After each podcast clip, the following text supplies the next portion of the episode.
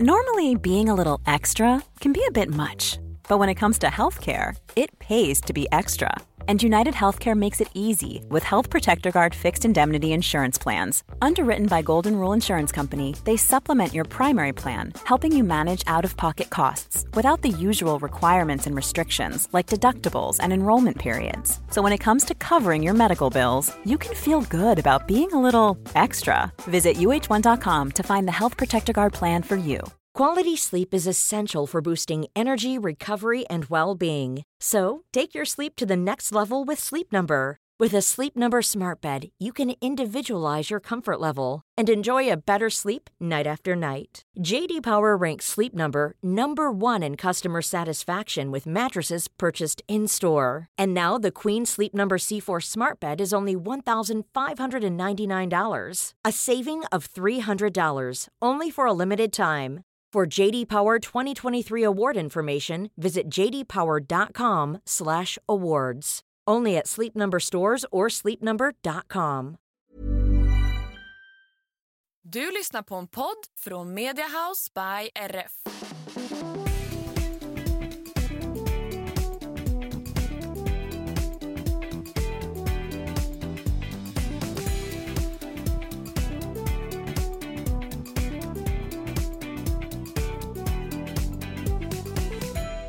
Hej allesammans och välkomna till systrarna Älvstrands hästpodd avsnitt 197. Tjenare, namnet här är Anna. Och mitt namn är Emma och det här är podden om oss, våra fyra hästar och häst och ridsporten i stort och smått. Det stämmer och vi är ju inne på avsnitt 197 nu.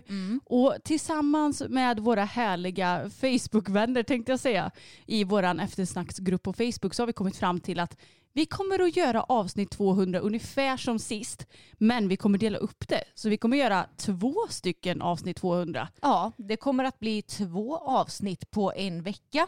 Så får vi se. Alltså min förhoppning är att vi ska få med pappa i ett av de avsnitten. Mm.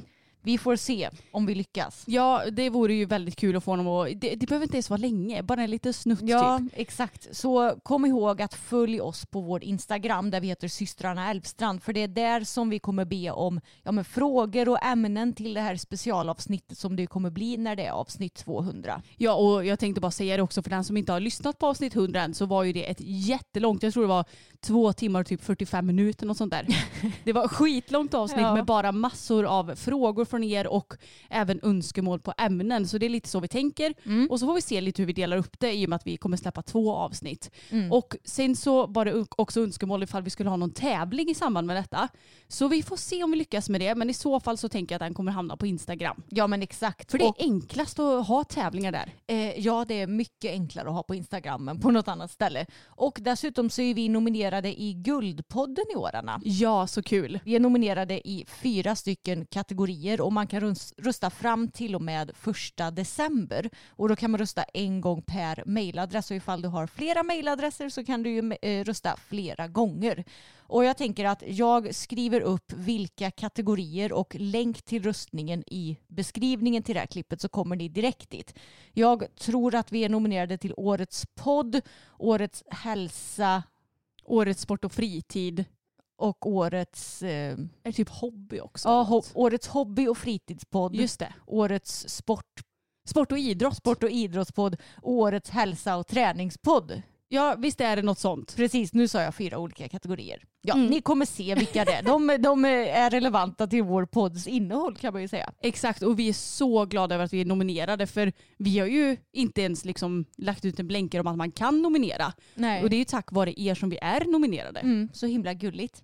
Okej, men nu har vi snackat massa informativt. Hur mår du idag? Jo men jag mår bara fint idag. Vi har en ledig helg framför oss vilket behövs för vi har haft en väldigt intensiv vecka och överlag en väldigt intensiv period. Ja, verkligen. Och vi kan ju tillägga det att när vi spelar in nu så är det alltså fredag den 17. Ja exakt. Ja, så jag tänker att det kan vara lite kul att veta vart vi ligger någonstans datummässigt Mm. när vi släpper podden.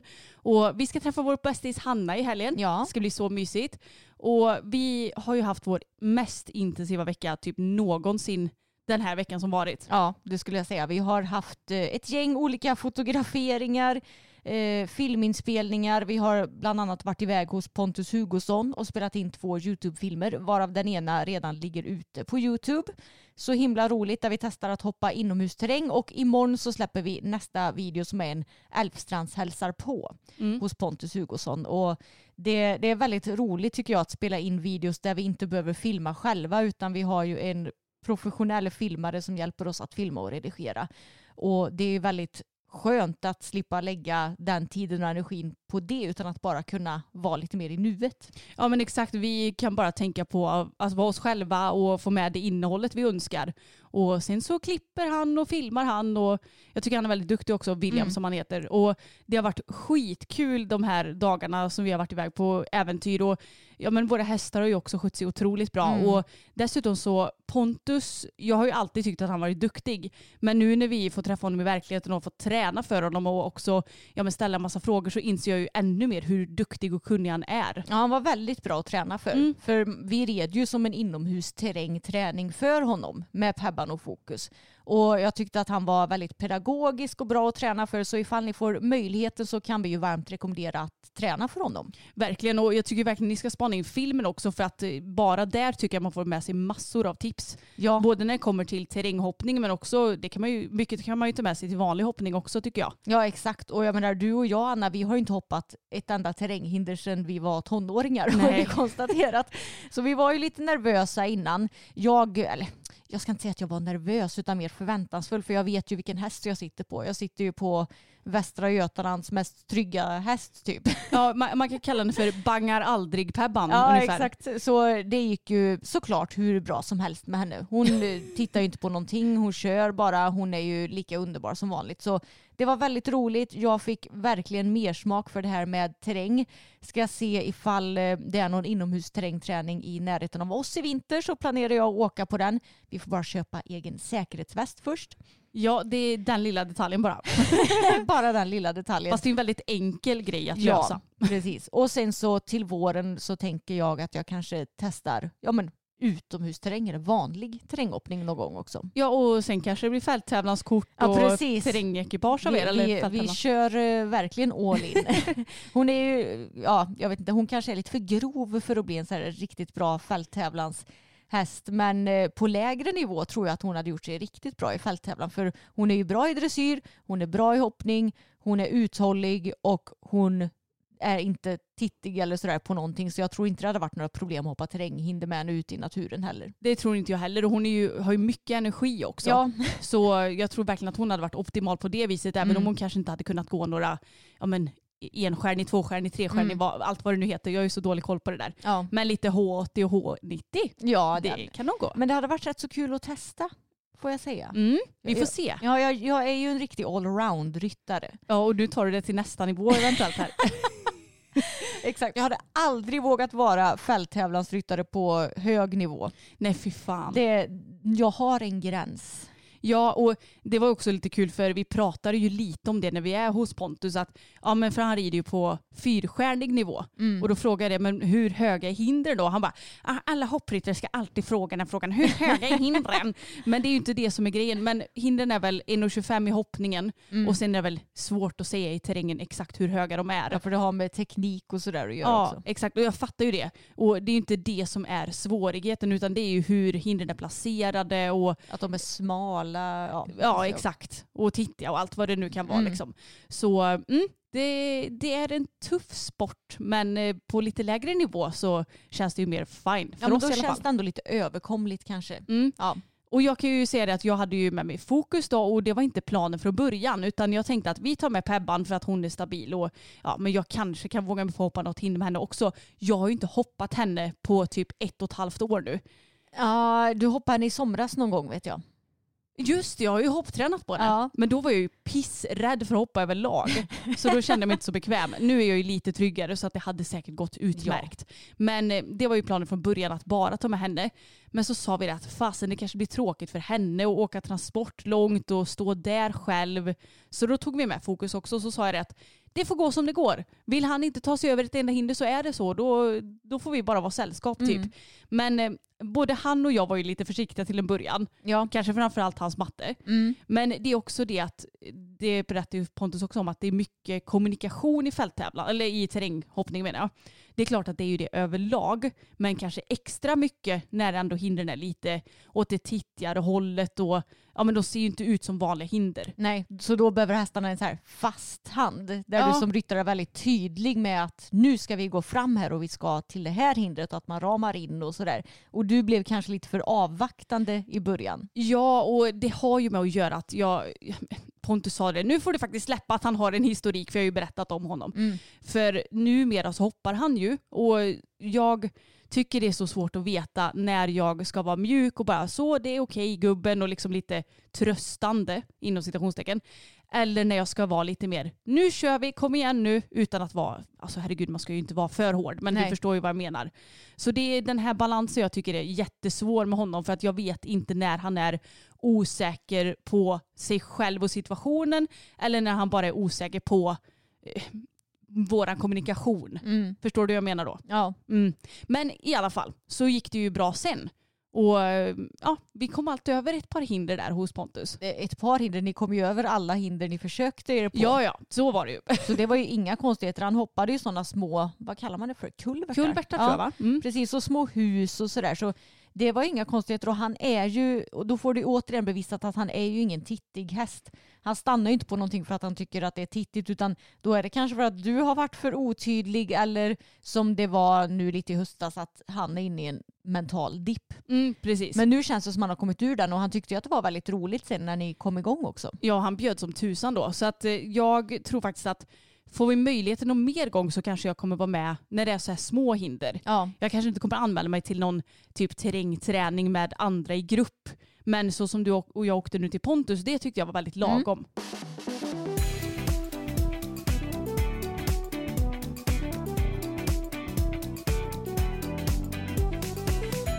Det som har hänt sen sist också det är att det har tävlats en hel del. just det, det har det gjort. Mm. Och vi var ju på en dubbelhelg. Du och Pebban, ni hopptävlade en meter, årets sista tävlingsstart i Falköping. Det gjorde vi och det gick ju alldeles utmärkt. Grejen är att den veckan så hade jag haft så fruktansvärt ont i min höft. Jag är inne i en dålig period nu med min stackars höft och det är högerhöften som jag har ont i.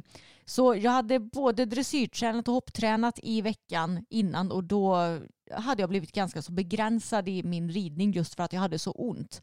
Men nu till den här tävlingen så kändes höften ändå bättre men jag var, hade lite inställningen att ja, men det får gå som det går. Jag får Ja. inte ha för höga krav på mig själv. Nej, och jag sa ju till och med till det att i värsta fall kan du faktiskt gå ner en klass. Ja, jag vet. Men det gjorde jag inte utan jag var bestämd på att jag vill hoppa den här en metern för det kommer vara den sista hopptävlingen jag gör i år och vi är i Falköping. Där känner jag mig alltid väldigt trygg för jag vet om att banorna är schyssta. Det är inga maxade hinder.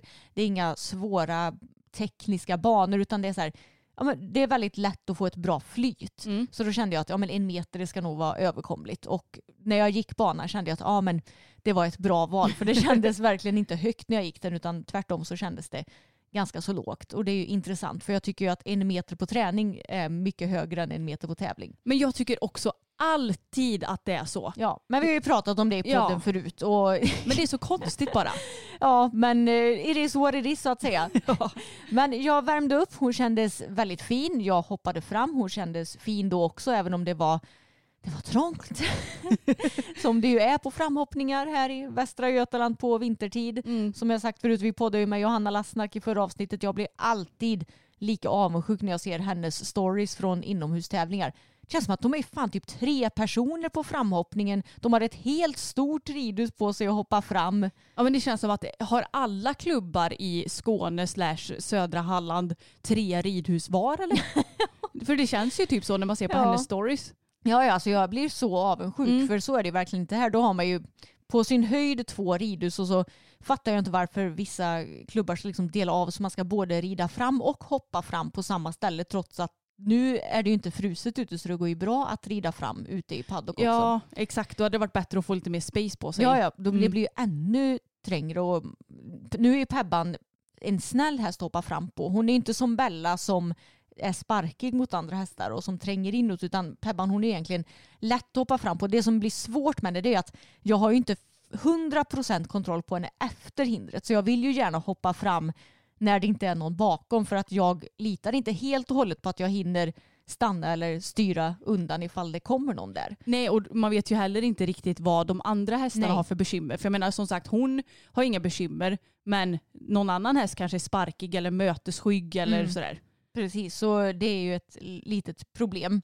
Men jag tycker ändå att jag fick till rätt så bra känsla på framhoppningen. Speciellt sista språnget var väldigt fint. Så jag gick in på banan med gott självförtroende. Höften kändes bra. Eh, jag hade gått banan och hade en tydlig plan i omhoppningen. Det här var ju en bedömning AA0 så det innebär ju att det är med totalfel. Det, det vill säga att så länge du inte är utesluten så får du rida omhoppningen även om du har typ rivit eller stannat i grundomgången. Och då var det sex hinder i grundomgången och fem hinder i omhoppningen. Mm. Och grundomgången kändes väldigt bra. Jag tyckte vi fick riktigt fint flyt. Det var en kombination med oxer in, ett galoppsprång, räcke ut. Och det var lite bra att det var det, för jag behövde lite överkomma den svårigheten. För förra, täv- nej, för, förra tävlingen blir det, när jag red en meter så var det ju just det hindret som jag fick problem på. Att jag red för snabbt in så hon blev för flack och rev B-hindret i kombinationen. Mm. Så det var ganska bra att jag fick träna på det och jag hade satt upp en tydlig plan att jo, men jag ska inte hålla på och plocka för mycket innan så jag tappar galoppen utan jag ska ha en bra galopp in men att jag kan sitta upp och vänta lite innan hindret och jag tycker verkligen att vi kom helt perfekt på den så hon hoppade så himla bra. Det var skitbra verkligen. Ja, så jag var väldigt nöjd med det. Sen fick vi fint flyt på de andra hindren i grundomgången och i omhoppningen så red jag verkligen precis enligt planen. Jag kortade in vägarna där jag kunde korta in. Det var en distans i omhoppningen där det var oxer in 22 meter till räcke. Och jag var så här när jag gick banan, ska jag ta fyra språng där? För på KM när det var 21,5 meter räcke till oxer så tog jag ju fyra språng. Så jag visste om att ja, men det hade ju absolut gått om jag hade kört på det. Men så diskuterade du och jag innan Anna och då sa du att nej ta fem språng Emma för tar du fyra språng så kommer hon bara bli så himla pigg och då kanske du typ inte hinner svänga henne efteråt. Mm. Så det är så här, ja då kanske jag sparar ett galoppsprång på den distansen men att jag istället blir av med två galoppsprång på nästa distans. Exakt, det är ju lite pest eller kolera just Ja, nu. man får, um, man får ta och ge tänkte jag säga. Mm. Och det här, vi kommer ju kunna göra det här senare. Det är ju jättebra att hon är pigg och storgalopperad men än så länge så svänger hon ju inte så snabbt att jag kan få fram henne och sen snabbt svänga henne. Nej och framförallt så är det kanske lite så också att när du väl fått fram henne så är hon inte så snabb tillbaks just nu. Nej. Det är också ett eh, framtida mål att hon ska Mm. lite mer, att ni bara ska säga pang, nu ska vi ha kort galopp igen. Exakt. Så jag valde att ta fem språng där och kände väl ändå att ja, men det var rätt val. Sen fick vi till de andra svängarna. Det var ju vad blir det, tre kortare svängar efteråt och där är det väl enligt planen. Jag fick ju inte riktigt till jag fick e- till ett fint framläge men sen så blev det kanske lite smått återbackar hållet in men samtidigt så hade jag inte kunnat göra på något annat sätt för jag hade inte kunnat ta bort ett galoppsprång heller. Men jag är väldigt nöjd med hur jag red. Jag är väldigt nöjd över hur hon kändes och hon har ju blivit mycket, mycket mer svängbar mot vad hon var. Ja, det var ju ett halvår sedan som jag började rida typ min första omhoppning på henne. Ja verkligen. Och då var det så här, bogen gled ut hur mycket som helst. Hon lyssnade inte, alltså, inte tillbaks. Jag tycker att vi har utvecklats så mycket nu i omhoppningarna. Håller verkligen med. Så ja, det är väldigt roligt. Ja, det var kul att se den här eh, starten och jag tyckte det var lite kul för Sillan, vår kompis, var ju med på den här tävlingen också. Och hon såg din runda och hon bara Ja, men jag tyckte det såg så snabbt ut för Emma så jag tänkte att hon måste ju hamna på en tredje, fjärde plats något sånt där. Placering lyckades du hamna på, Ja. men inte någon topplacering. Nej, jag kom på tionde placering av tolv placerade. Mm. Så det är ju ändå, ja det, det är ju en av de bättre placeringarna jag fått. För vi brukar ju ha fått typ så här sista placeringen när vi väl har blivit placerade. Ja, alltså en placering är ju alltid en placering. Det är ju Mm. jättekul. Men jag kände också bara herregud, jag tyckte också att du, du red ju ändå rätt så snabbt. Du snävade Mm. in de svängarna du kunde. Och det är klart att jag inser att du kan vara snabbare. Ja. Men jag tänkte ändå bara, jävlar hur fort har folk ridit? ja, men det är ju ganska så små marginaler. Det var kanske, jag vet inte, tre sekunder eller något sånt där till första placeringen. Mm. Och jag menar då är det ju några galoppsprång mindre och det när hon blir alltså, vad ska man säga, mer ihop i kroppen och mer svängbar då kan jag ju få till de där svängarna ännu bättre så vi blir ännu snabbare. Mm. Så jag var väl ändå ganska så, mm, eller vi hamnade väl ungefär där jag trodde att vi skulle hamna för jag, jag hade inte kunnat rida snabbare idag. Men jag tror att alltså, i framtiden så kommer vi ju kunna rida snabbare. Mm. Så jag var riktigt nöjd med den här rundan. Supernöjd med Pebban. Hon hoppade jättefint och det var väldigt, väldigt roligt att knipa vår första placering i en meter också. Jätteroligt, ni var Mm. så duktiga. Ja, och dagen efter var det dags för dig och Fokus. Jajamensan, årets sista start ja, överlag tänkte jag säga för oss som vi hade planerat in. Vi åkte till Essunga, hade anmält oss till en lätt B1 och ja men jag kände mig ändå rätt så förberedd för den här tävlingen. Jag menar lätt B känns ganska så skönt att rida för att jag behöver inte känna att Åh, vi har inte hunnit träna på det här och det här utan det känns väldigt bekvämt. Mm. Och han kändes ändå ganska fin på framridningen. Jag tyckte han kändes lite åt det brötigare hållet först. Ja men det tyckte jag mig se också Mm. när, jag, när jag står och kollar på. Även om jag inte rider fokus så himla mycket längre så ser ju jag väldigt tydligt vilken känsla du har för jag känner ju ändå honom så pass väl. Ja, men han, jag, jag sa det till dig, jag skulle önska att han kom ihop sig, att han fick in bakbenen in under kroppen typ så här 10 centimeter till. Mm. Det var inte mycket, men jag kände att han, ja men då blir han ju lite som Pebban, att han rinner iväg lite och kommer inte riktigt upp och får det här härliga gunget i kroppen. Nej precis och det som är skönt då när man rider en lätt B det är ju tanken att det är bara en lätt B. Det är Exakt. inte så himla höga krav på hästens samlingsgrad och sådär. Nej det är inte så här helvete det är ändå en medelsvår C Nej. eller medelsvår B. Det krävs lite mer då. Så jag var så här, ja ja det löser sig. Och när han känns sån så brukar jag försöka lägga in ganska mycket övergångar. Jag kanske gör galoppskrittövergångar till och med även fast det inte ingår i programmet för att då tycker jag att han kommer ihop sig ännu mer. Och dessutom är han väldigt bra på just det. Det är kanske inte är så bra om man bara, ah, min häst suger på galoppskrittövergångar men han är riktigt duktig på sådana saker. Ja, du får lära dig lite de övningarna med din häst som funkar Mm. om den som i fokus fall då blir lite lång Mm. och eh, brötig. Exakt, och något som jag tycker funkar bra också det är att rygga. Mm. För då, då kommer de ju under med bakbenen och det är väldigt samlande och lösgörande övning. Alltså Ja. ryggning är något som jag har tänkt förut. Bara, ja, ja, men det är en sak som ingår i program och det kan vara bra att kunna. Eh, Ja men typ om man eh, är på uteritt eller något och behöver rygga för någonting eller du vet. Men jag har insett på senare år att det är faktiskt en väldigt bra grej. Ja, och det är också ett väldigt bra vad säger man, bevis på om hästen är framme för skänken och har framåtbjudning. För har hästen ingen framåtbjudning då kommer den ju inte rygga ordentligt. Då släpar den bakbenen och det ryggas ovilligt medans om hästen är eh, ja, men så här, framme Mm. Och ihop sig i kroppen då kommer den ju rygga med bara en mjuk kontakt till munnen och så vidare. Exakt. Som Bella är väldigt bra på. Hon bara, jag är bäst på ungefär allt men ryggning är min bästa specialitet. exakt. Nej men så att eh, jag tyckte att framridningen den blev ändå bättre och bättre även om jag kände att det är inte den bästa känslan jag fått någonsin på tävling.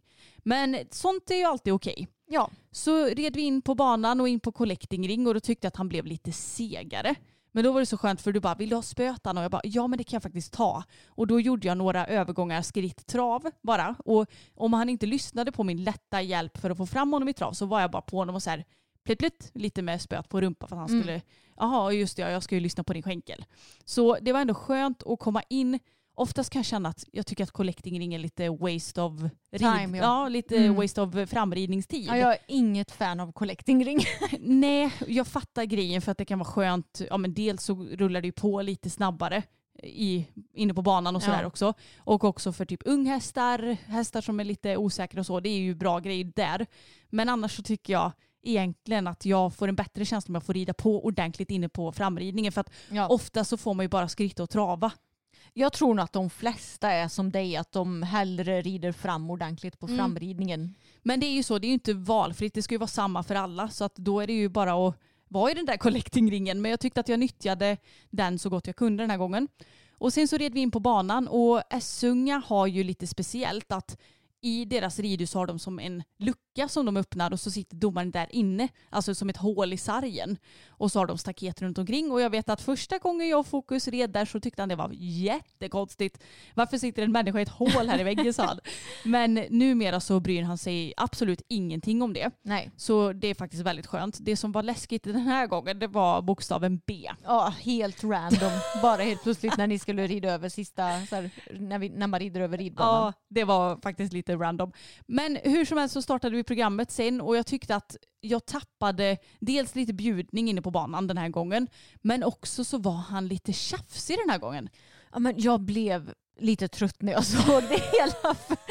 Som sagt, jag som känner honom, jag kanske ser sånt här extra tydligt också. För nu de senaste tävlingarna du har ridit så har han ju varit så himla fin och stadig i formen och bärig och ja, men han har bara sett så jäkla snygg ut. Mm. Och sen så den här gången så blir han så här mer dykig i formen. Ibland, ja, men speciellt i skritten så längde han ju inte på formen överhuvudtaget utan då liksom så här, viker han in dosen, slänger lite med huvudet. Och det gjorde han ju även ja, lite senare i programmet också att han var inte helt stadig utan han flängde lite med huvudet utan att flänga så himla mycket med det. Ja men exakt, det var inte så att han tappade formen helt. Nej, så som han gjorde med mig i Mm. Alingsås i våras när jag red honom när han var så jävla pigg. och lite smått tokig och jag fick jättebra känsla men sen mot slutet av programmet så woo, flängde han ju upp och ner med huvudet som en liten tok. Ja verkligen. Eh, så det, det var ju ungefär så han gjorde fast i mycket mindre skala Mm. idag kan man säga. Lite så. Och jag försökte ju bara att hitta den här jämna kontakten för det är det som är problemet att han tappar lite kontakten till bettet och att han lite kör sitt eget race och ja, jag vet inte vad han pysslade med riktigt men jag gjorde verkligen så gott jag kunde. Och det som är positivt när han ändå är ja men inte helt hundra eller vad man ska säga det är ju att jag får verkligen kämpa med att rida ordentligt och det är något som jag har utvecklat för jag kan säga att hade det här hänt för ett par år sedan då hade jag bara suttit som ett spöke och hoppats på att saker och ting skulle lösa sig själv ungefär. Ja det kan du inte göra när du rider dressyrprogram. Nej, för då, då får man ju dåliga procent som Ja. ett brev på posten.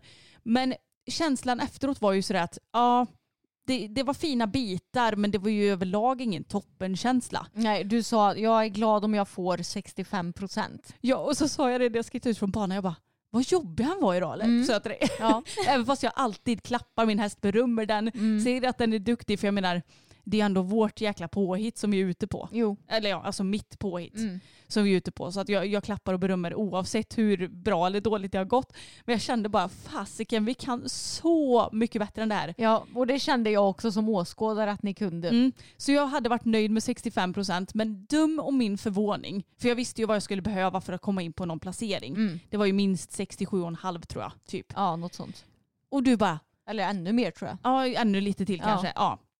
Men du bara, Anna ni kommer tvåa, du får 69,1 procent.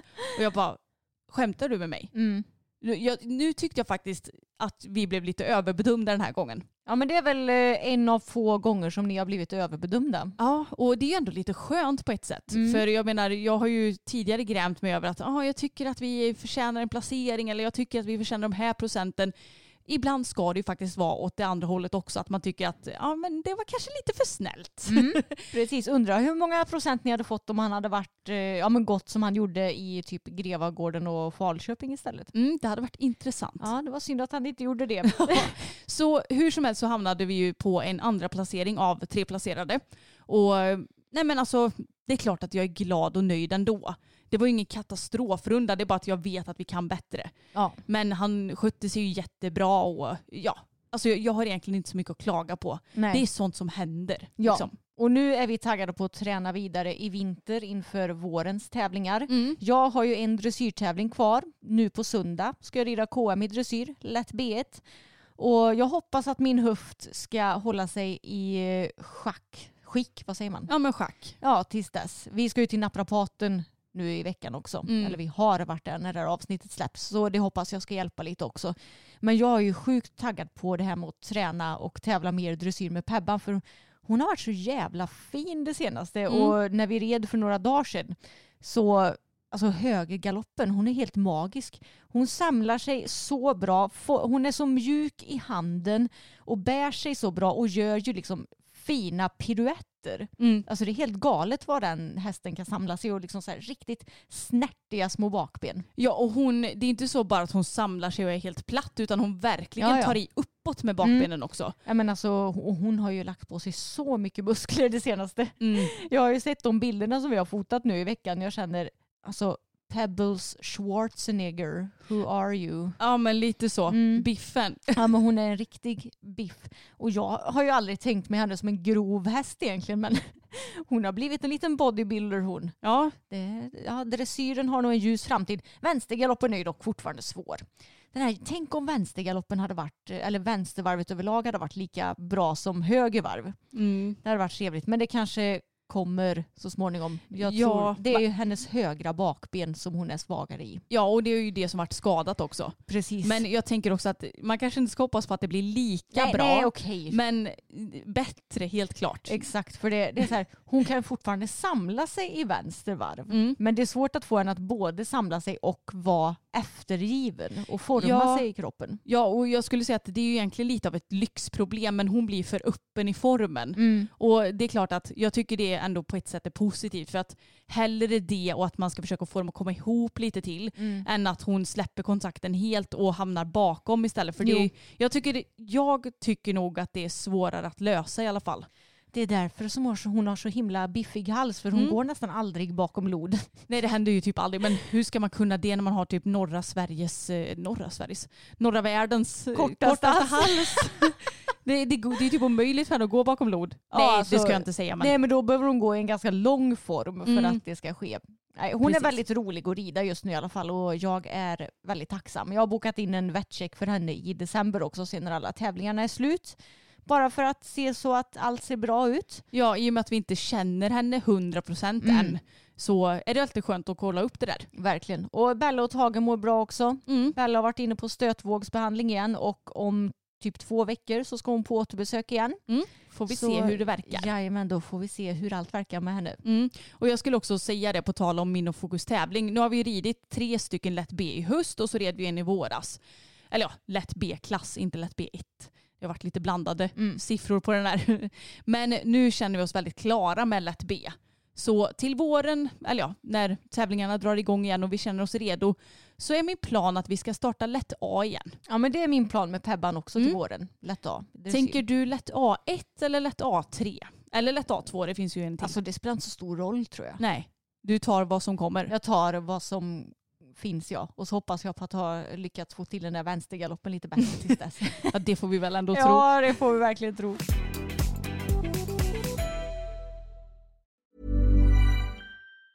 Say hello to a new era of mental health care.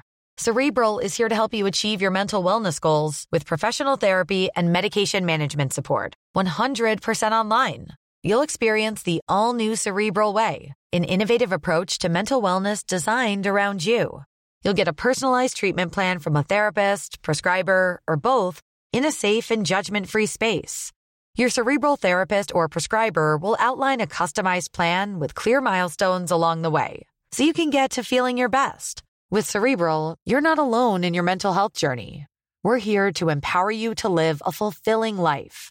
So take that first step towards a brighter future and sign up today at cerebral.com slash podcast and use code ACAST to get 15% off your first month. Offer only valid on monthly plans. Other exclusions may apply. Offer ends July 31st, 2024. See site for details. Ryan Reynolds here from Mint Mobile. With the price of just about everything going up during inflation, we thought we'd bring our prices down. So to help us, we brought in a reverse auctioneer, which is apparently a thing. Mint Mobile unlimited premium wireless. Ready to get 30, 30, bit to get 30, bit to get 20, 20, 20, bit to get 20, 20, bit to get 15, 15, 15, 15 just 15 bucks a month. So, Give it a try at mintmobile.com slash switch. $45 upfront for three months plus taxes and fees. Promo rate for new customers for limited time. Unlimited more than 40 gigabytes per month. Slows. Full terms at mintmobile.com. Det här poddavsnittet är i samarbete med Success och just nu är Black Week i full gång på Success hemsida. De har 25% rabatt och med vår kod Älvstrand VIP så får ni följare en extra rabatt. Ja, och det är ju en hemlig rabattkod så ni märker först när ni går in i kassan och skriver in koden hur mycket ni får. Precis, så vill ni få ut mesta möjliga av Success Black Week så använd vår kod Älvstrand VIP. Och den är giltig till och med 27 i 11, det vill säga på måndag. Ja, och roligt nog så gäller ju det även på vår kollektion Emma. Och vi släppte ju ett par underbara ridbyxor och tre stycken överdelar. Och sen har vi också strumpor och skärp som ingår i den här kollektionen. Och vi har ju en glädjande nyhet. Vi har släppt ännu ett plagg i vår kollektion med Success. Det är ett par Ohio i en underbar lila färg som heter Purple Ruby. Och det är limited edition och de kommer att släppas nu på fredag. Det stämmer och den här färgen den är helt underbar. Den är klart varmt lila samtidigt som den inte är för utstickande skulle jag säga. Nej jag, jag tycker inte det i alla fall. Vi gillar ju att bära färg du och jag. Ja. Och jag tycker att den är helt underbar. Lyser upp lite i det här, nu är det ju ganska mörkt och tråkigt ute Mm. den här tiden på året och det är grått och inga fina färger någonstans så då får man ju se till att klä sig lite kul. Ja, vi kände ju det när vi skulle ta fram en ny färg på våra favoritleggings Ohio att vi ville ta fram något i en riktigt härlig färg. Och vi vet om att det är många som älskar lila så jag tror att ni kommer bli riktigt glada över den här färgen. Och både våra nya leggings och de tidigare plaggen i vår kollektion är limited edition. Så se till att handla så snabbt som möjligt för när er storlek har sålt slut så kommer den ju inte tillbaks i lager igen. Exakt, så glöm nu inte Älvstrand VIP för extra rabatt och den får ni reda på vad den är när ni skriver in den i kassan. Och sen så är det 25% på hela Success hemsida. Precis. Stort, stort tack till Success för att ni är med och sponsrar det här avsnittet. Och eftersom vårt förra poddavsnitt var med Johanna så har det ju släppts en hel del intressanta kröniker och reportage som jag tänkte ta och läsa upp. På grund av vårt poddavsnitt med Johanna, det lät nästan som du menade så. Jag menar att det har gått lite tid sedan vi gjorde ett vanligt poddavsnitt. Jag fattar. Och jag tyckte att en, eh, en krönika som jag tyckte var lite rolig det är en på tidningen Ridsport som heter Filma med hänsyn, respekt och ansvar. Och jag tänker att jag ska läsa upp lite delar av den. En nyexaminerad ridlärare upptäckte att hela hennes lektioner med alla instruktioner låg lättillgängligt på Youtube. Jag vet inte om jag känner mig trygg med det. En nybörjare i konståkning ser knappast magnifik och graciös ut från första början. En lektion med spänd ryttare på spänd häst trots att mitt mål med all undervisning är raka motsatsen. Jag ser över min axel att hela läktaren består av föräldrar som filmar. De hävdar att eleverna lär sig något av att se 40 minuters spänd ridning. Samma elever som inte sitter kvar och kollar på lektioner med mer erfarna ryttare. Samma elever som inte dyker upp när ridskolan arrangerar clinics och kunskapstillfällen. Det följer med effekter av filmande som ibland glöms bort. För elever med skyddad identitet som vill kunna påverka var de råkar synas. Genom film som används till rena mobbningssituationer. Föräldrar som ber oss skapa ett förbud mot filmande på läktaren. Föräldrar som ber oss att absolut inte skapa ett förbud. Föräldrar som trots förbud ändå filmar. Att förbjuda filmande sänder det ut ett budskap om att vi har något att dölja. Ja, det var då delar ur den krönikan och jag tyckte det var så himla roligt för jag var tvungen att tagga dig i det inlägget på Facebook och så var jag tvungen att skriva Tror du det räknades som hänsyn, respekt och ansvar när pappa för 20 år sedan filmade alla ryttare på varenda hopptävling och sen klippte ihop en avramlingsfilm som vi dessutom hade med på ridläger och satt och skrattade åt. Ja, men alltså, det är så sjukt när man tänker efter. Och vi har ju pratat lite om det här i podden tidigare. Att pappa han filmade ju allt. Eller mamma gjorde ju det ibland också om typ pappa var med och deltog själv och sådär.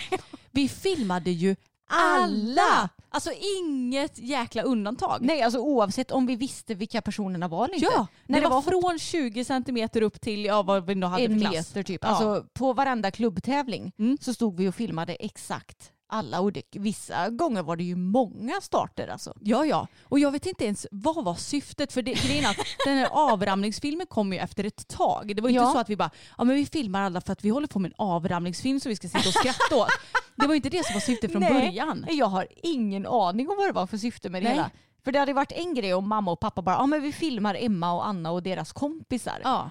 Men nu var det, vi filmar den här random kvinnan eller mannen som vi inte ens kände. Eller barnet, det var inte bara vuxna Nej, liksom. exakt. Och det roliga är att det var ju ingen som reagerade på det på den här Nej. tiden. För på den tiden så var ju filmning så himla ovanligt. Mm. Och dessutom så fanns ju inte sociala medier heller. Det var la tur det, för vem vet vad som hade hänt med de där filmerna annars. Ja, eller hur. Men alltså, jag hade ju tyckt det varit jättekonstigt. Säg att jag hade haft barn eller sådär. Och så hade jag stått på läktaren och så står det en man typ och filmar mitt barn. Jag hade bara, ursäkta men varför Vem filmar du? du? Ja.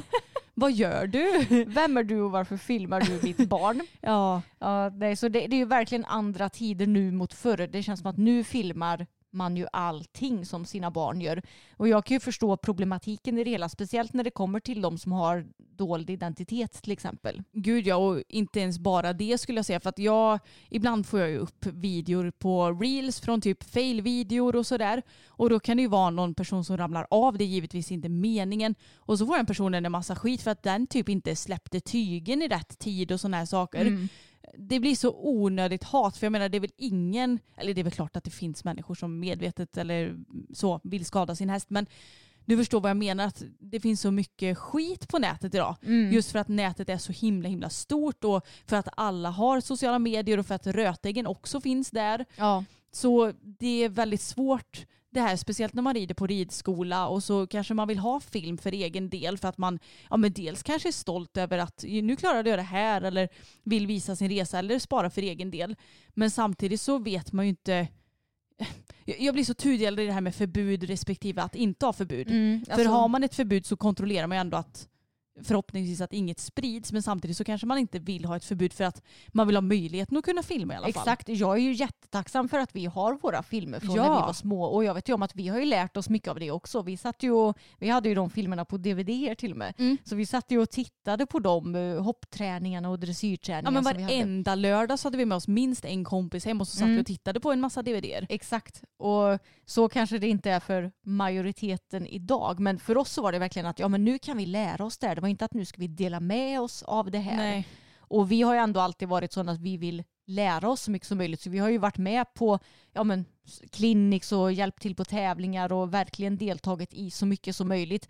Men om du har ett barn som ja, men, kanske inte är så himla Intresserat. Nej, precis då kanske det inte har lika stort syfte att Nej. filma för då kanske inte det barnet är intresserad av att utvecklas på samma sätt. Mm. Och ja, alltså jag tycker ju att det här med förbud för att filma, ja det är ju tråkigt för du vill ju kunna eh, som elev se när du rider och se vad du kan förbättra. Men tyvärr är det också väldigt svårt att kontrollera vad som läggs ut. Mm. För det är så här, du, du kan ju du kan förbjuda filmande men det blir väldigt svårt att förbjuda vad som ska läggas ut. Och Mm. om något har lagts ut så är det kanske redan för sent för det kan ju få så mycket spridning det som läggs ut också-. Exakt. Jag tänker på till exempel de som har dold identitet till exempel. Mm. Ja, och jag tänker också att som ridlärare eller tränare så är det inte alltid helt självklart att man vill att allt ska filmas heller. För att det är också en sån här grej som jag har fått upp på såna här eh, fail-konton på Instagram. Att ah, men varför gjorde ridläraren så? Eller varför sa den så? Eller varför gjorde den ingenting när barnet ramlade av? Eller vad som helst. Alltså, det är så mycket som blir diskuterat och som man, man ser liksom tio sekunder Mm. av en en timmes träning. Ja, Man har ingen aning om varför saker sägs eller inte sägs. Liksom. nej exakt. Ja, det blir, det blir ju bara ah, konstigt. Jag kan tänka mig att det här är ännu värre på TikTok också för där är det så himla ung publik med. Mm, och hetsk stämning alltid. Ja, precis. Så jag förstår verkligen problematiken i det hela och jag är glad över att sociala medier inte fanns när vi var små. Ja, i många aspekter. Ja, i, i väldigt många aspekter. Och ja, jag vet inte om jag kan svara på frågan om jag tycker att det borde vara filmförbud eller inte. Nej, jag tycker också det är himla svårt alltså.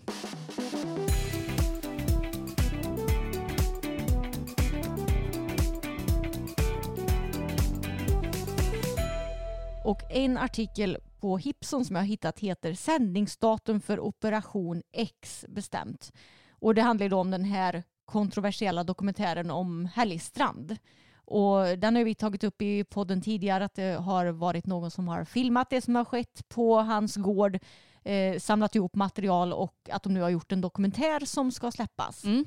Och enligt den här artikeln så ska danska TV2 släppa den här dokumentären imorgon, onsdagen den 22 november. Oj, oj, oj. Ja, det står också enligt Eurodressage ska överklagandet behandlas nu på tisdagen den 14 november. Men jag har inte hört något mer om det här. Nej, för då var det alltså förra tisdagen då. Ja, för Ja. Jag, jag tänker att om man hade hört om det så borde ju överklagan ha gått igenom. Ja, Så Det jag, tycker jag. jag hoppas ju att han inte har fått igenom överklagan och att det här faktiskt kommer att släppas imorgon. Då kan jag säga, vi har ju VPN så vi borde kunna ladda ner TV2, någon app och se det här. oh my god, Ja. jag vet vad vi ska göra. Ja, Poppa jag- popcorn och jag- titta på det. Exakt. Vi, vi kommer såklart uppdatera. Fast problemet är bara att om det pratas danska så kommer vi typ inte förstå någonting. Men vi kommer ju ändå se liksom vad som sker i dokumentären tänker jag. Ja men finns det inte någon app där man kan översätta också? Eller så kanske man kan ha dansk text för man fattar ju oftast text men inte prat. Ja, jo, lite bättre kanske. Ja, vi får Fan, vi se. känner ingen som kan danska va? Eh, Nej. oklart. Men eh, vi ska kika på den i alla fall. Ja. Om den nu släpps, vilket vi verkligen håller tummarna för. Ja. Ja, det ska bli intressant om något. ja, och to be continued. Exakt. Och Hipson har släppt en annan artikel som heter Ifrågasätter bedömning vid dressyrtävling. Helt oacceptabelt. I samband med en tävling reagerade hästägare Annette Levert på att de tre domarna bedömde samma ritt med stor skillnad i procent. Nu ifrågasätter hon det hela och önskar en förbättring inom bedömningssporten dressyr. Vad var det som fick dig att reagera? Det är ganska uppenbart varför jag reagerade så starkt som jag gjorde då det skiljer närmare 12 procent mellan domarna. Först blev jag förvånad och tänkte att det måste blivit något fel. Men sen när vi insåg att det inte var så utan att det faktiskt stämde så blev jag först chockad och sen genuint förbannad. Detta ska inte kunna ske och det är verkligen helt oacceptabelt. Jag vill vara tydlig med att det inte handlar om att vi skulle vinna eller att vi tycker att domarna är generellt dåliga.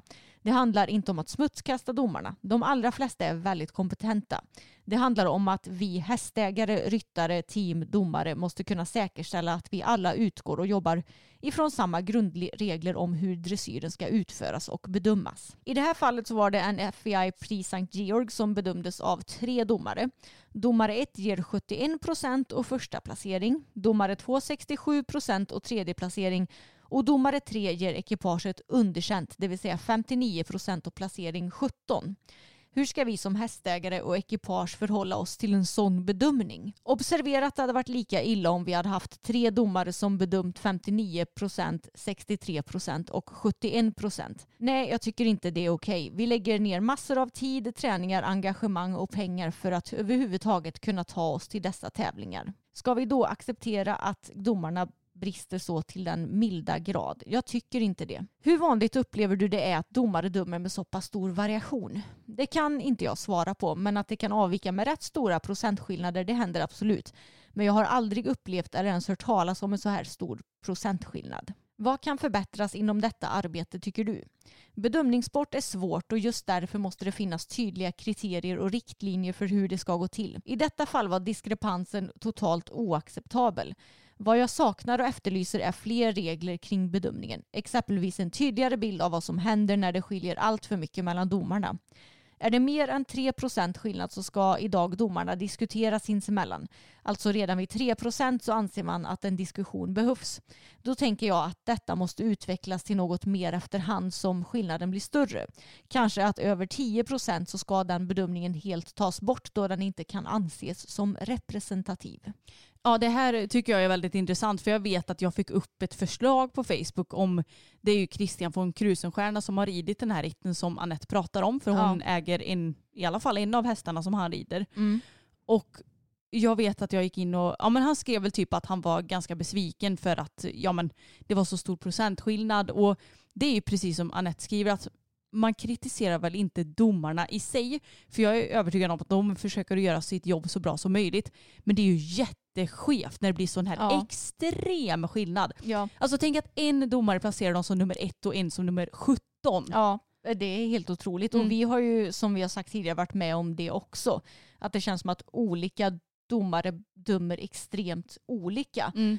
Och det är ju det här som är problemet för jag har läst ja, men kommentarerna på det här Facebook-inlägget och de är många, vilket jag förstår för det är ju ett ämne som man lätt kan diskutera och då är det vissa som skriver att ja det är väl inte så konstigt för det är ju tycke och smak om ehm, ja, vad man gillar att se. Och problemet är att det ska inte vara tycke och smak. Precis. Det ska vara det här ska du bedöma. Det här är korrekt och det här är inkorrekt. Precis, det här är korrekt och då ska det ha bra poäng. Det här är inkorrekt och då ska det inte ha bra poäng. Det ska inte bedömas utifrån vad du tycker är en bra form eller Mm. vad du tycker är en bra öppna eller slut utan du ska döma enligt TR och regelboken över hur en korrekt utförd rörelse ska se ut. Och jag tänker att om det hade funnits tydliga sådana regler då hade det inte kunnat vara en procentskillnad på 12 procent. Nej. Jag tänker det också. Och jag vet att det här är inte första fallet som har sån här extrem skillnad. Nej. Om jag inte minns helt fel så tror jag att eh, vår kompis Miranda har haft något liknande. Ja. Där det är så här sjukt mycket olika procent. ja, det vet jag att du har sagt Mm. tidigare. Ja, och det är ju jättekonstigt. Och det är också så här att domarna ska diskutera om det är mer än 3 procent. Ja, men vad händer då? Det händer ju ingenting just nu. Det kanske inte ens blir någon skillnad i det långa loppet känns det som. Nej. Vad ska man säga då? Var det du eller jag som dömde fel? Vad tycker du? Alltså Mm. så här, ja, du förstår vad jag menar. Det är ju ingen riktig konsekvens på det hela. Nej, precis. Och jag har också sett lite kommentarer om att eh, ja, men man kanske kan ha, vad blir det, tre eller fem domare, men att inte det sämsta och bästa resultatet räknas med. Utan vad blir det, medianresultatet. Ja, precis. Den som är i mitten, de tar man med. Ja, men exakt. För då kan det inte sticka iväg åt något håll. Och det är väl, alltså det är ju en smart tanke, men frågan är ju om man vill lägga som, eller ja, det blir ju inte någon större kostnad egentligen på domarna och du betalar ju lika mycket som ryttare. Ja, och det blir ändå, jag tänker att det borde ändå bli ett rättvist resultat för att det blir ju ändå den som ligger i medel som man räknar med. Ja, exakt. Man hade ju absolut kunnat göra en testgrej med det här tycker Mm. jag. För det hade varit intressant som tusan. Ja, verkligen. Och jag tycker att det låter logiskt i alla fall. För jag tycker inte att det ska vara så här. Och sen så, jag har inte sett ritten. Så jag har ingen aning om ifall jag skulle hålla med med domarna som har dömt den här ritten på runt 70 procent eller runt 59 procent. Men det är ju egentligen helt irrelevant. För pro- problemet är ju att det verkar ju tydligen inte finnas några specifika ja, men, regler om hur du ska döma om det kan vara så här stor skillnad. Nej, och det är också ganska stor skillnad från 59 till 67 till 71. Alltså det är ju stora hopp mot alla tre egentligen. Ja. Så nej, jag, jag tycker att det är väldigt konstigt det här. Och dressagebot kan ju inte komma snabbare känner jag. Alltså vi får, vi får sitta här nu Emma och ta fram den här stackars eh, AI som eh, ska döma. Vi får eh, så här, göra ett samarbete med Max Tegmark och få fram dressagebot. Vi kanske kan fråga honom. Alltså, bara sådär, hallå vi har en idé. Exakt. Vi ska ha minst, eh, ja, vi har ju kommit fram med hela idén så vi borde få 75 procent av andelarna. Då hade vi kunnat sluta jobba kanske i framtiden. Du, Bara- tror fan det. Tänk Mm. vad rika vi hade blivit. Ja, Ja. verkligen. Det, det är ju intressant det här med, med dressyren. Jag, Mm. jag är inget fan av bedömningssporter när den mänskliga hjärnan så att säga ska... ja men den mänskliga faktorn Ja, spelar in. man vet ju om att den mänskliga hjärnan är ju bra mycket mindre smart än en dator till exempel. Ja, verkligen. Så därför gillar jag hoppning. Där är det en dator som bedömer, tänkte jag säga. En dator som tar tiden. Och... Ja, och det Där. är kanske också därför du kommer gilla fälttävlan sen om du nu ska tävla i det. För att dressyren är ju bara en del Just det. av allt så du har ju ändå lite mer chanser på det. Om dressyren går åt helskotta antingen Mm. genom att du har ridit dåligt eller att eh, domaren inte dumt som du önskat Ja. så har du ändå fler chanser. Men jag undrar hur, det, alltså hur domarna reagerade själva efter den här bedömningen. Ja, Det hade varit intressant om den som dömde 59 procent bara, men vad fan har jag gjort? Eller om Ja. de som dömde högt bara, men va? Alltså, vad, vänta, vad, har vad har jag dömt sett? skithögt nu? Alltså, och om de, då måste jag diskutera det här med varandra också. Det hade varit väldigt intressant att höra den diskussionen och Vad som eh, har sagts. Ja men varför de som satte högt satte högt och varför de som satt, eller den som satte lågt satte lågt. Mm. Och som sagt det ska ju inte bero på tycke och smak utan det ska ju finnas väldigt tydliga regler om hur du ska döma. Ja och sen så finns det väl alltid sådär mänskliga faktorn spelar in. Jag menar du har ju berättat någon gång om när du satt och skrev en medsvår B-klass så var det ju ett orent byte som den domaren satte typ 7,5 på eller Ja. ja. sånt där. Och du bara, jaha, ja, men du, kom, du kan ju inte komma in och säga det bara, fast det var orent. Nej. Och eh, jag vet att det har varit samma när jag har suttit och skrivit någon gång så var det sådär, ah, eh, var det fem byten i vart fjärde nu? Mm. Jag bara, det, det roliga är att då räknade jag faktiskt för att Ja. det, det sker typ automatiskt. Det är typ som när man räknar språng mellan två hinder. Mm. Så sker det automatiskt att jag räknar. Jag bara, ja men det var det. Mm. Ja vad bra. Jag bara, Vilken du hålla koll på det koll. själv? Eh, och det är ju som med allt, man kan ju missa saker Ja. För eh, jag menar som sagt, vi är människor, vi behöver blinka, vi kanske behöver nysa, vi kanske, du fattar. Ja, ibland när jag har skrivit, eh, eller när jag har varit domarsekreterare så har pappren blåst iväg så domarna har fått hoppa ut ur domarhytten och samla in papprena igen. Ja, det är det inte så- optimalt. Nej, då är det inte så himla lätt att se och återigen, vi behöver dressagespott. Ja, för då hade inga papper flugit iväg i Nej, alla fall. för det första.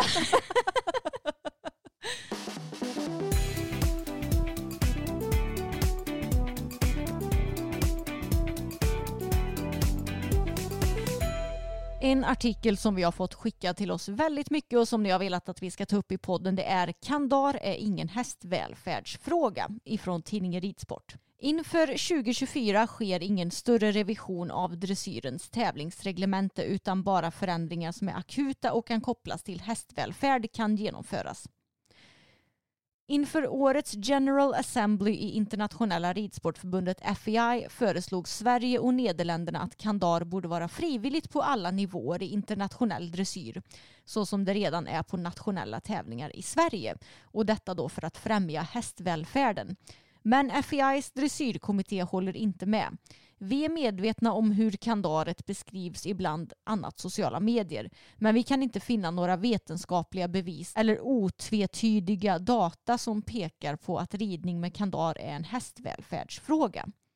Kommittén föreslår att en bred grupp sätts samman bestående av olika intressenter som genom studier eller forskning noggrant kan analysera för och nackdelar med att göra kandaret frivilligt. Efter en sån förberedelse kan vi ha en åsikt i frågan som bygger på fakta. Däremot är sporrarna lättare att avvara enligt kommittén som ser det som en logisk följd efter beslutet att det är tillåtet att använda sporrar utan utskjutande del, även kallat unghästsporrar. Vänta nu, så det får man ha nu?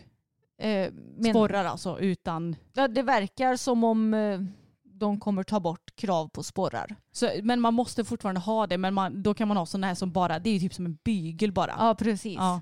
Ja, det, är lite, det står ju däremot är sporrarna lättare att avvara. Ja. Som ser det till en logisk följd efter beslutet. Mm. Att eh, använda sporrar utan utskjutande del. Så det känns ju som om de ska alltså, ta bort sporrkravet helt och hållet. ja. Jag är inte helt säker. Men de, alltså, sammanfattningsvis så tycker ju de då att eh, ja, men det är okej att rida, eller att det är valfritt att rida med eller utan sporre. Men det är inte okej att det är valfritt att rida med kandar eller inte. ja, det är ju så vi tolkar texten i alla fall. Ja, exakt. Sen pratas det också om något verktyg för att mäta nosgrimmer men det blir lite för mycket att ta upp så jag tänker att vi kan ju nöja oss med det här kandartramset som de har pratat om. Ja, du avslöjar ju redan nu vad vi tycker om det. Men alltså jag fattar inte hur, Hur det, svårt ska det vara? hur det kan vara ett sånt stort problem. För jag menar det funkar ju uppenbarligen alldeles utmärkt i till exempel Sverige att ha det valfritt om du vill rida på kandar eller träns. Ja, och jag, jag, alltså, jag kan inte för min värld förstå varför i helvete, ursäkta min svenska här nu, men det ska vara så svårt. För jag menar, om du nu vill rida på träns, det finns ju ingen fördel gentemot någon som sitter med kandar i Nej. så fall. För jag menar ett kandar är mycket skarpare, det är säkerligen, nu rider jag ju aldrig på kandar så jag kan inte uttala mig, men jag kan tänka mig att det är lite enklare att få ihop hästen, i synnerhet om du har en stark häst till Ja exempel. precis, det blir lättare att få hästen samlad. Ja, och det skulle säkert, alltså hade vi slängt in ett kandar på Pebban så hade hon säkert kanske gått och samlat ännu mer och sådana Ja. här grejer liksom. Eller på vem som helst egentligen. Mm. Men sen finns det ju också de hästarna som verkligen inte vill gå med kandar och det finns de ryttarna som helst inte vill rida på det heller. Men som gärna vill rida internationellt. Ja, Och då, då, det är liksom ingen fördel. nej. Och det är heller ingen nackdel heller såklart. Mm. För jag menar har man den här som trivs bättre på träns så är det ju mycket bättre om den får gå på träns. Ja. Men jag fattar inte hur det kan vara så... Åh, jag blir så jävla irriterad Jag alltså. fattar inte hur de heller inte kan se det som en hästvälfärdsfråga. Nej. Och jag fattar inte hur de heller då kan se skillnad på det här med sporrar och eh, kandar. Mm. Varför räknas det ena då som ja, hästvälfärd? Måste de ju uppenbarligen tycka eftersom de har liksom förminskat ner den regeln. Mm. Och varför räknas det ena inte som hästvälfärd? Nej, och det är också så kul när de pratar om forskning. Det finns väl visst forskning som visar på att det inte är så himla trevligt att ha to- dubbla bett i munnen och sånt. Ja, Eller? det borde det garanterat finnas. Jag har för mig det. Jag är ju inte själv någon sån som eh, letar eh, vetenskapliga artiklar på daglig basis. Liksom. Men Nej men det är ju framförallt logiskt. ja, exakt. Allt, man behöver inte ha forskning till exakt allting kan jag tycka heller. Nej. Utan lite vanligt jävla vett. Ja, precis. Och jag vill bara säga det här också att vi, det är som sagt inget konstigt att om man nu vill rida på kandar någon gång ibland, det är liksom inte det vi ratar, det är bara själva konceptet att man måste tävla på det och att de inte bara kan se, att de inte bara kan tänka utanför boxen någon jäkla gång. Ja, det är väldigt konstigt. Ja, och att det, det, det är redan det här med hatten, att det skulle vara så himla jobbigt att ta bort den regeln. Eh, men nu så, åh, jag fattar inte hur svårt ska det vara? Nej, inte jag heller.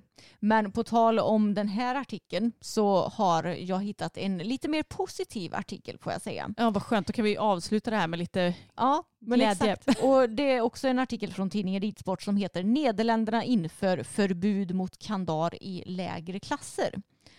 Kandar förbjuds i den klass som kallas Z1 level, alltså motsvarande ungefär det svenska medelsvår B.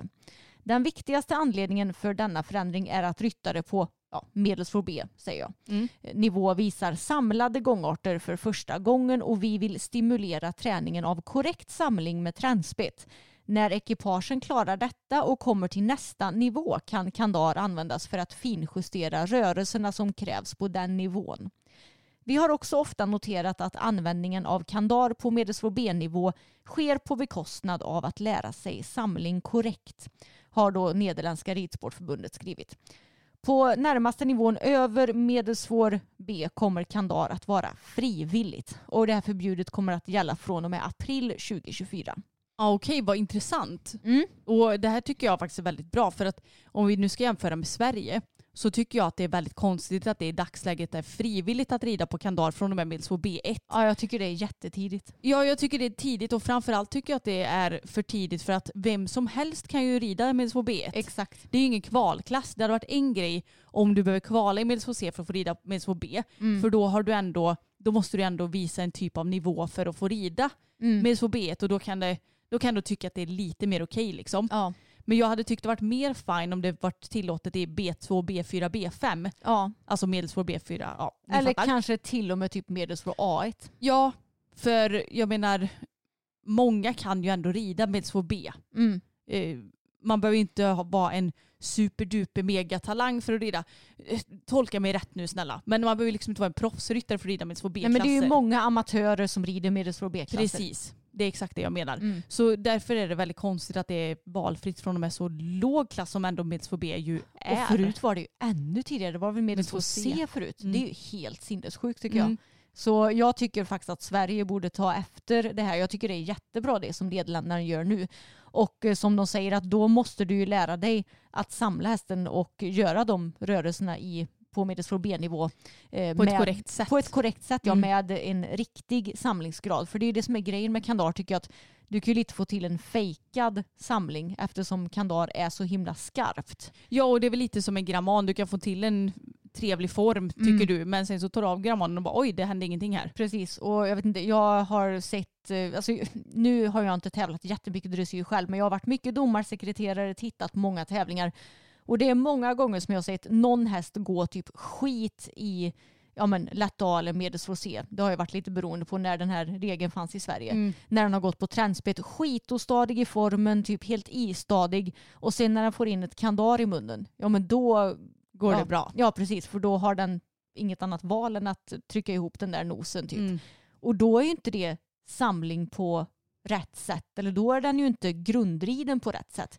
Då är det fortfarande massa fel som brister i själva grundridningen. Och ifall kandar hade varit tillåtet mycket senare i de klasserna där du verkligen måste kvala dig till. Mm. Då hade det varit, eh, alltså då måste du ju ha en bra grundridning på träns innan. Då kan du inte Precis. fuska dig dit eller vad man ska säga. Nej och jag kan tänka mig att det är väl inte så lätt för en domare att se bara ja ah, men det här är ju en samling som sker på grund av kandar eller det här är en samling som sker för att den är tränad. Mm. Det kan ju inte man avgöra så. Nej, Så Precis. eh, nej, det är konstigt att vi har det så pass tidigt ändå som vi har i Sverige. Sen ska jag vara ärlig och säga att jag tycker inte att man ser så jättemycket kandar, inte minst på B1 i alla fall. Nej inte i våra trakter i alla fall. Nej. Men sen så får ju folk, alltså det är ju tillåtet så då får man rida på vad man vill. Men nej, Men Det- jag, jag tycker det är för tidigt i medelsvår B-klasser att rida på kandar. För att rida på kandar då behöver du vara jävligt skicklig för att kunna göra det på ett bra sätt. mm. Och jag tycker det är jätte, jättesvårt att rida med dubbla tyglar som vi pratade om i förra avsnittet till exempel. Och kandar är ett väldigt, väldigt skarpt bett. Och du ska bara rida på det om du själv är eh, riktigt, riktigt duktig och har 100% koll. Mm. Och det kan du ju inte garantera att alla ja, men amatör medelsvår B-ryttare har. Nej. Nej men så det var två lite uppdateringar kring Kandar Trends och ja men kul att Nederländerna har lagt till det här och någonting som vi kan hoppas på händer ja, men i Sverige också i framtiden. Mm. Och framförallt att FEI kan släppa sin jäkla regel. Eller hur? Men en fråga bara, om de menar att de kommer att tillåta kandar till nästa nivå, är det typ som vårat medelsvår A då? Ja men jag skulle gissa på det. Vi tror det i alla fall. Precis. Ja men det var allt för dagens avsnitt hörni. Tack så mycket för att ni har lyssnat. Och eh, glöm nu inte Black Week hos Success där ni får 25% rabatt på hela hemsidan och med vår kod så får ni ytterligare rabatt. Precis och den koden är Älvstrand VIP och det är ju som sagt en hemlig kod.